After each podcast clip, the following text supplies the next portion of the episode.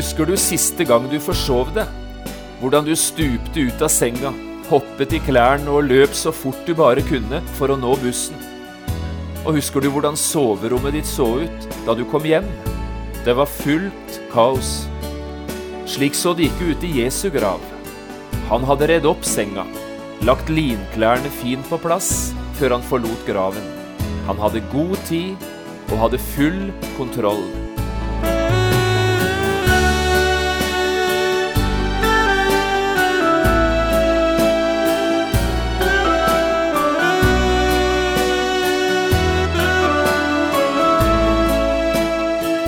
Hjertelig velkommen til et nytt program i serien Vindu mot livet. Programmet er produsert av Kristen Riksradio og blir ledet av Jon Hardang. Kristen Riksradio drives av frivillige gaver. Vi er glade for din støtte.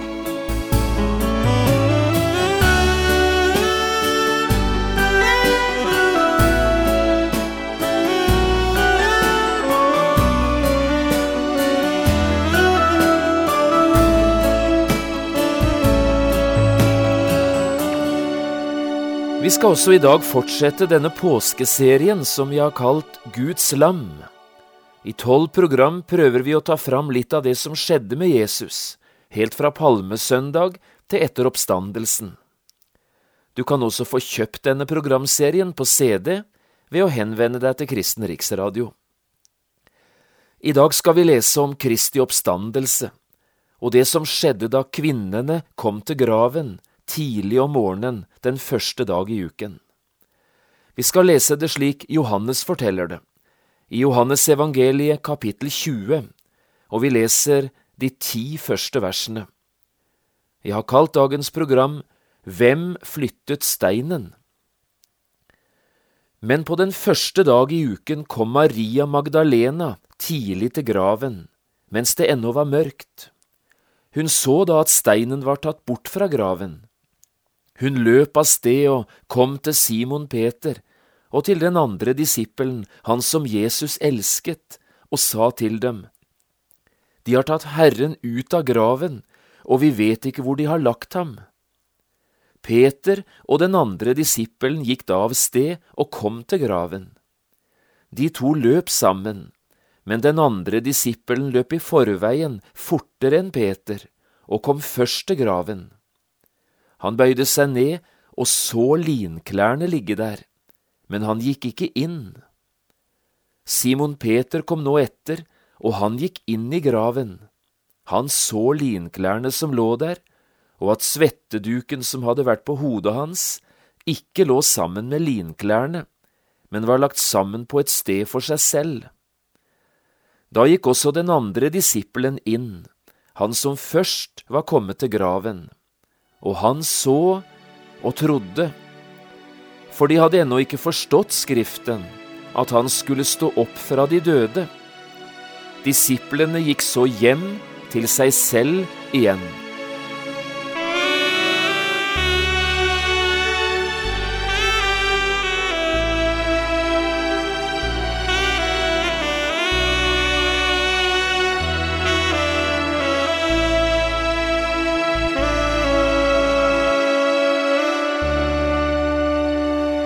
Den britiske advokaten Frank Morrison var vokst opp i et hjem og i et miljø der det var lite og ingenting av rom for kristen tro, for Bibelen og for kristenliv.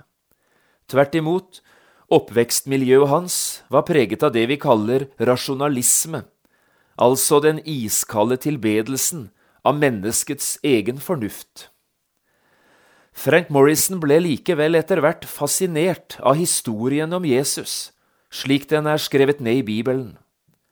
Og på et punkt i livet bestemte han seg så for å skrive en bok om denne unike religiøse lederen, Jesus fra Nasaret. Men for Frank Morrison var historien om Jesu oppstandelse en håpløs avslutning. Han betraktet oppstandelsesberetningen nesten som en eventyravslutning, en historie som bare var med å ødela den fantastiske livshistorien, historien om det store og unike mennesket, jøden Jesus. Nå ønsket han altså å skrive en bok om Jesu liv, der han særlig la vekt på de siste dagene i livet hans, og de forbrytelsene som ble begått mot mannen fra Nasaret. Dette enestående og det heroiske ved Jesu livsverk skulle løftes fram. Men alle overnaturlighetene, alle underne og alle antydningene om at det skulle stå en overnaturlig kraft eller noe guddommelig bak det hele, det ville han luke bort. Og historien om Jesu oppstandelse ønsket han å ta fullstendig avstand fra. Da Frank Morrison hadde skrevet boken sin, kalte han den Who Moved the Stone? eller Hvem flyttet steinen? For under arbeidet med denne boken der han studerte alle de forskjellige områdene av Jesu liv, også budskap om hans død og om hans oppstandelse, var ting begynt å skje. Frank Morrison ble ikke bare nødt til å justere enkelte oppfatninger, til og med skifte mening på et og annet punkt. Hele boka hans ble ganske annerledes enn den boka han hadde tenkt å skrive.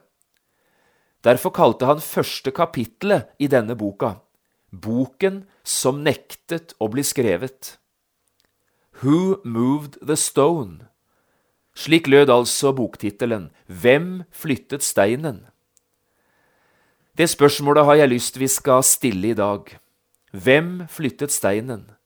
Og kanskje skal vi også legge til hvorfor ble steinen flyttet? Hvem flyttet steinen? Det er kanskje flere muligheter. Var det Jesus selv? Det synes å være helt umulig. Jesus var jo død, og døde mennesker flytter ikke på steiner.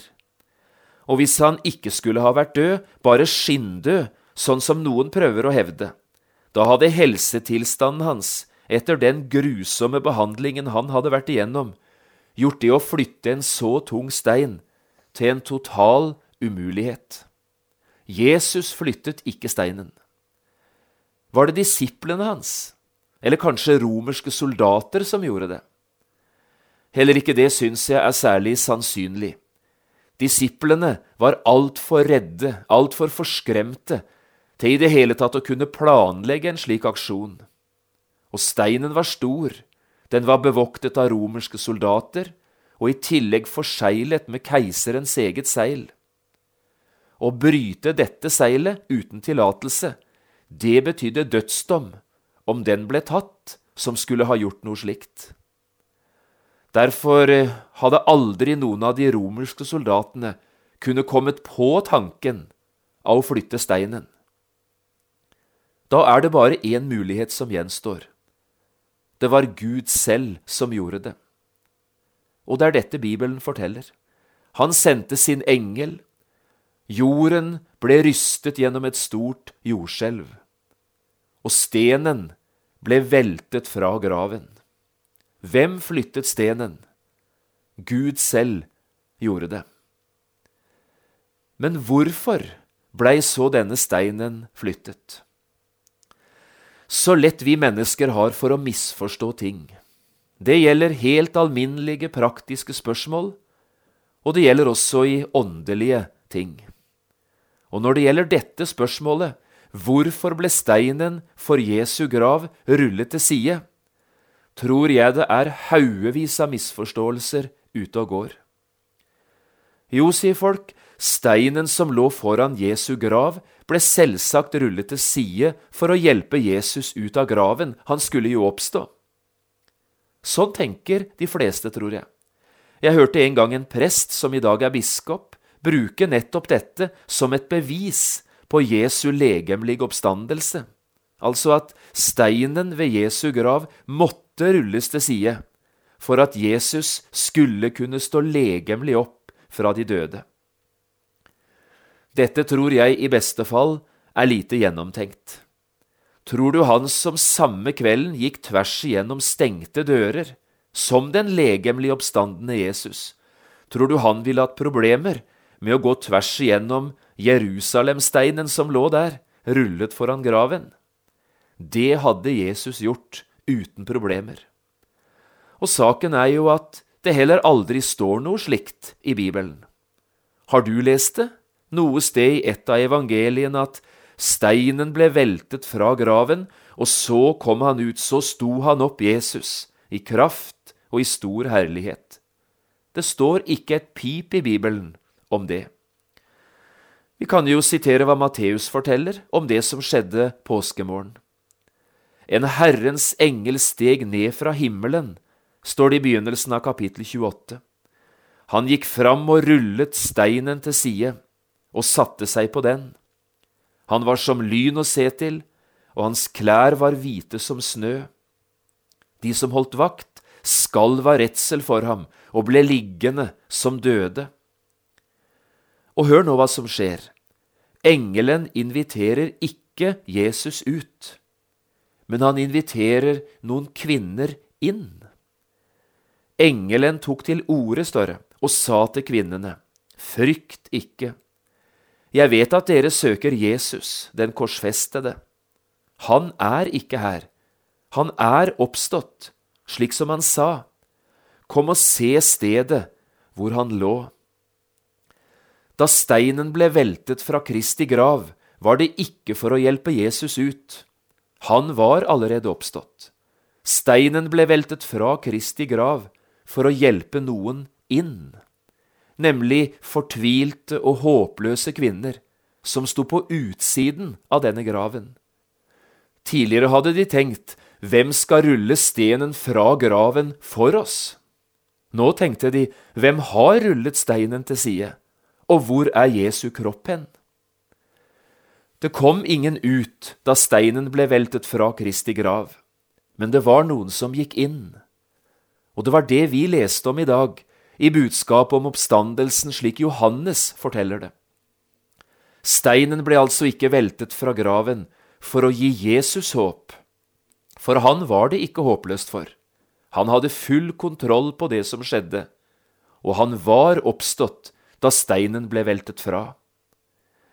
Engelen veltet steinen fra Kristi grav for å gi noen andre håp, nemlig dem som syntes at alt så håpløst ut, kvinnene som var kommet til graven, og så alle Jesu disipler. Men det de nå fikk se, etter at steinen var veltet bort, det ga håpløse mennesker et nytt, et levende håp. Og det fikk de altså her, i møte med Jesu Kristi oppstandelse fra de døde. Jeg syns Johannes beskriver dette så nydelig fint i bibelavsnittet vi leste. Først kom én kvinne til graven, tidlig på morgenen, helt uten håp. På den første dag i uken, sier Johannes, kom Maria Magdalena tidlig til graven, mens det ennå var mørkt. Hun så da at steinen var tatt bort fra graven en åpnet grav. Maria forsto det ikke, men løp av sted med et gryende håp. Hun oppsøker disippelflokken og forteller dem det hun har sett. Det setter umiddelbart to av dem i bevegelse. Peter og Johannes, to disipler som var uten håp, men som nå fikk oppleve noe, se noe, som ga dem håp. Hør på dette. Peter og den andre disippelen gikk da av sted og kom til graven. De to løp sammen, men den andre disippelen løp i forveien fortere enn Peter og kom først til graven. Han bøyde seg ned og så linklærne ligge der, men han gikk ikke inn. Simon Peter kom etter, og han gikk inn i graven. Han så linklærne som lå der, og at svetteduken som hadde vært på hodet hans, ikke lå sammen med linklærne, men var lagt sammen et sted for seg selv. Da gikk også den andre disippelen inn, han som var kommet først til graven, og han så og trodde. Slik leste vi det altså i dag. To menn løper om kapp. Johannes er den klart raskeste og vinner kappløpet. Han kommer først til graven. Men Peter er den minst beskjedne og han går rett inn i graven som den første. Og om den siste som kommer inn etterpå, om Johannes, så står det Han så og trodde. Disiplene gikk så hjem igjen til seg selv, avslutter Johannes. De var kommet uten håp, men de gikk hjem med håp. Jesu oppstandelse er et faktum, forteller Bibelen. Og Bibelen legger vekt på to forhold når den skal framstille troverdigheten i budskapet om Jesu oppstandelse. Det ene Bibelen forteller, er dette graven var tom. Og det er dette vi leser om i dag. Johannes gir en utrolig skildring, både av det han så, og det Peter så. Om Johannes står det han bøyde seg ned og så linklærne ligge der. Men om Peter står det han så linklærne som lå der, og at svetteduken som hadde vært på hodet hans, ikke lå sammen med linklærne, men var lagt sammen et sted for seg selv. Jesus hadde redd opp sengen etter at han hadde stått opp fra de døde. Husker du siste gang du forsov deg? Da du stupte ut av senga, hoppet rett i klærne og løp så fort du kunne til bussen for å nå den. Og husker du hvordan soverommet ditt så ut da du kom hjem? Det var fullt kaos. Rommet så ut som det hadde vært et bombenedslag innenfor veggene. Det du så, minnet deg om travelhet og om full panikk. Slik så det ikke ut i Jesu grav. Han hadde hatt god tid da han sto opp, og full kontroll, så han redde opp etter seg før han forlot graven. Jeg syns Johannes gir oss en herlig skildring. Graven var tom. Det andre Bibelen legger vekt på når den taler om oppstandelsens faktum, det er de mange øyenvitnene. Også det snakker jo Bibelen mye om. Det var ikke bare noen, men det var mange som fikk møte den oppstandende Jesus, både første påskedag og i tiden som seinere fulgte. Hadde vi satt opp ei liste over alle øyenvitnene, ville den blitt ganske lang. Maria Magdalena, Peter, de to Emmaus-vandrerne, resten av disippelflokken, ikke minst Thomas, Jakob, Jesu lillebror, mer enn 500 brødre på én gang, og så til slutt Paulus selv. Med så mange uavhengige øyenvitner og så mange forskjellige situasjoner som kunne bekrefte faktum, ville en hvilken som helst rettssak i Norge fått sin raske og utvilsomme løsning. Dette er faktum. Og her er det et faktum. Øyenvitnene er mange, og sannheten lyser. Jesus er virkelig stått opp fra de døde. Hva har denne tomme graven å fortelle oss som lever i dag? La oss stille dette spørsmålet nå til slutt og vi nevner fire-fem herlige sannheter. 1. Jesus var den han sa seg å være. De hadde ennå ikke forstått Skriften, forteller Johannes, at han skulle stå opp fra de døde. Slik står det om disiplene. Men det hadde stått der hele veien gjennom Det gamle testamentet. Messias skal lide og dø, men han skal oppstå på den tredje dagen. Det hadde stått der men de hadde ikke sett det, i alle fall ikke forstått det. Også Jesus hadde snakket om det, ikke bare én gang, men flere ganger på sin vei mot Jerusalem, og siste gang han gjorde det, det var faktisk på vei ned i Getsemanehagen, natten før han døde. Men heller ikke det hadde disiplene fått skikkelig tak i. Og allikevel gikk det altså slik både Skriftene og Jesus selv hadde sagt. Jesu ord er troverdige ord. Guds ord er å stole på. Det møter vi her som et faktum ved den tomme grav. 2. Jesu frelsesverk er godkjent i himmelen. Jesu oppstandelse er en slags Guds kvittering til verden, at han har godkjent Jesu frelsesverk. Nå er Gud villig til å frelse alle mennesker og alle slags mennesker på det grunnlaget Jesus har lagt. Jesus ga sitt liv til soning for all verdens synd. Han betalte for disse syndene med sitt blod, og Gud er fornøyd med betalingen. Vi veit hvor viktig det er å ha kvittering å vise til hvis det blir spørsmål også for oss om en regning er betalt.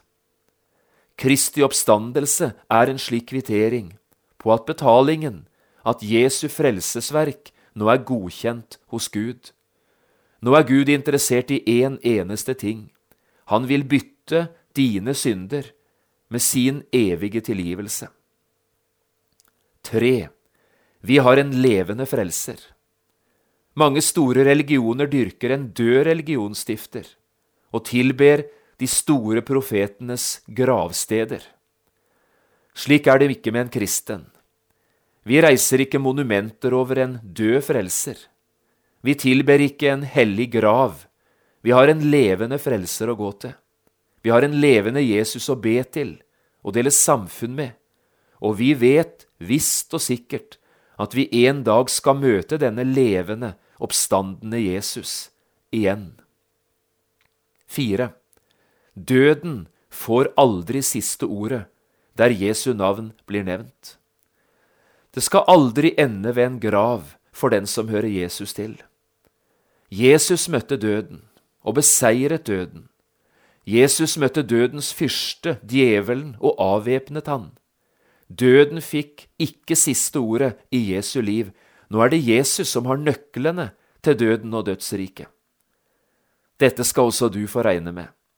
Også du vil møte mørke, død, sorg, smerte og savn. Men det ender ikke i døden, det ender ikke med en grav. Det finnes en utgang på den mørke tunnelen. Det skal ende i livet og i lyset. Fem. Også du og jeg skal en dag oppstå. Jesu oppstandelse er bare den første oppstandelsen. For som Jesus en gang oppsto, skal også du og jeg som tror på Jesus, en dag der framme oppstå. Vi skal bli Jesus lik. Vi skal få en ny kropp som er lik den kroppen han hadde etter sin oppstandelse. Og en gang for alle er du og jeg kvitt alt som heter synd, sykdom og forgjengelighet. Vi skal se Jesus som han er, og bli han lik. Sånn forteller Bibelen. Peter var den første som våget å gå inn i den tomme graven, etter at steinen var veltet til side. Og ingen, tror jeg, har som Peter satt ord på oppstandelsens enorme betydning når han innleder sitt brev med disse ordene. Lovet være Gud, vår Herre Jesu Kristi Far, Han som etter sin store miskunn har gjenfødt oss til et levende håp ved Jesu Kristi oppstandelse fra de døde. Jo, steinen ble veltet bort, graven er tom, og Jesus lever. Lovet være Gud.